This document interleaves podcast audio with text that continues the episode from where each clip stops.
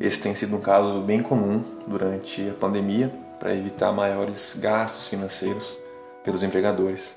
Acontece que se o empregador tenha suspendido os contratos de trabalho dos funcionários, mas exija que eles continuem a trabalhar, seja em teletrabalho, remotamente ou até mesmo indo esporadicamente à empresa, vai ficar descaracterizada a suspensão do contrato.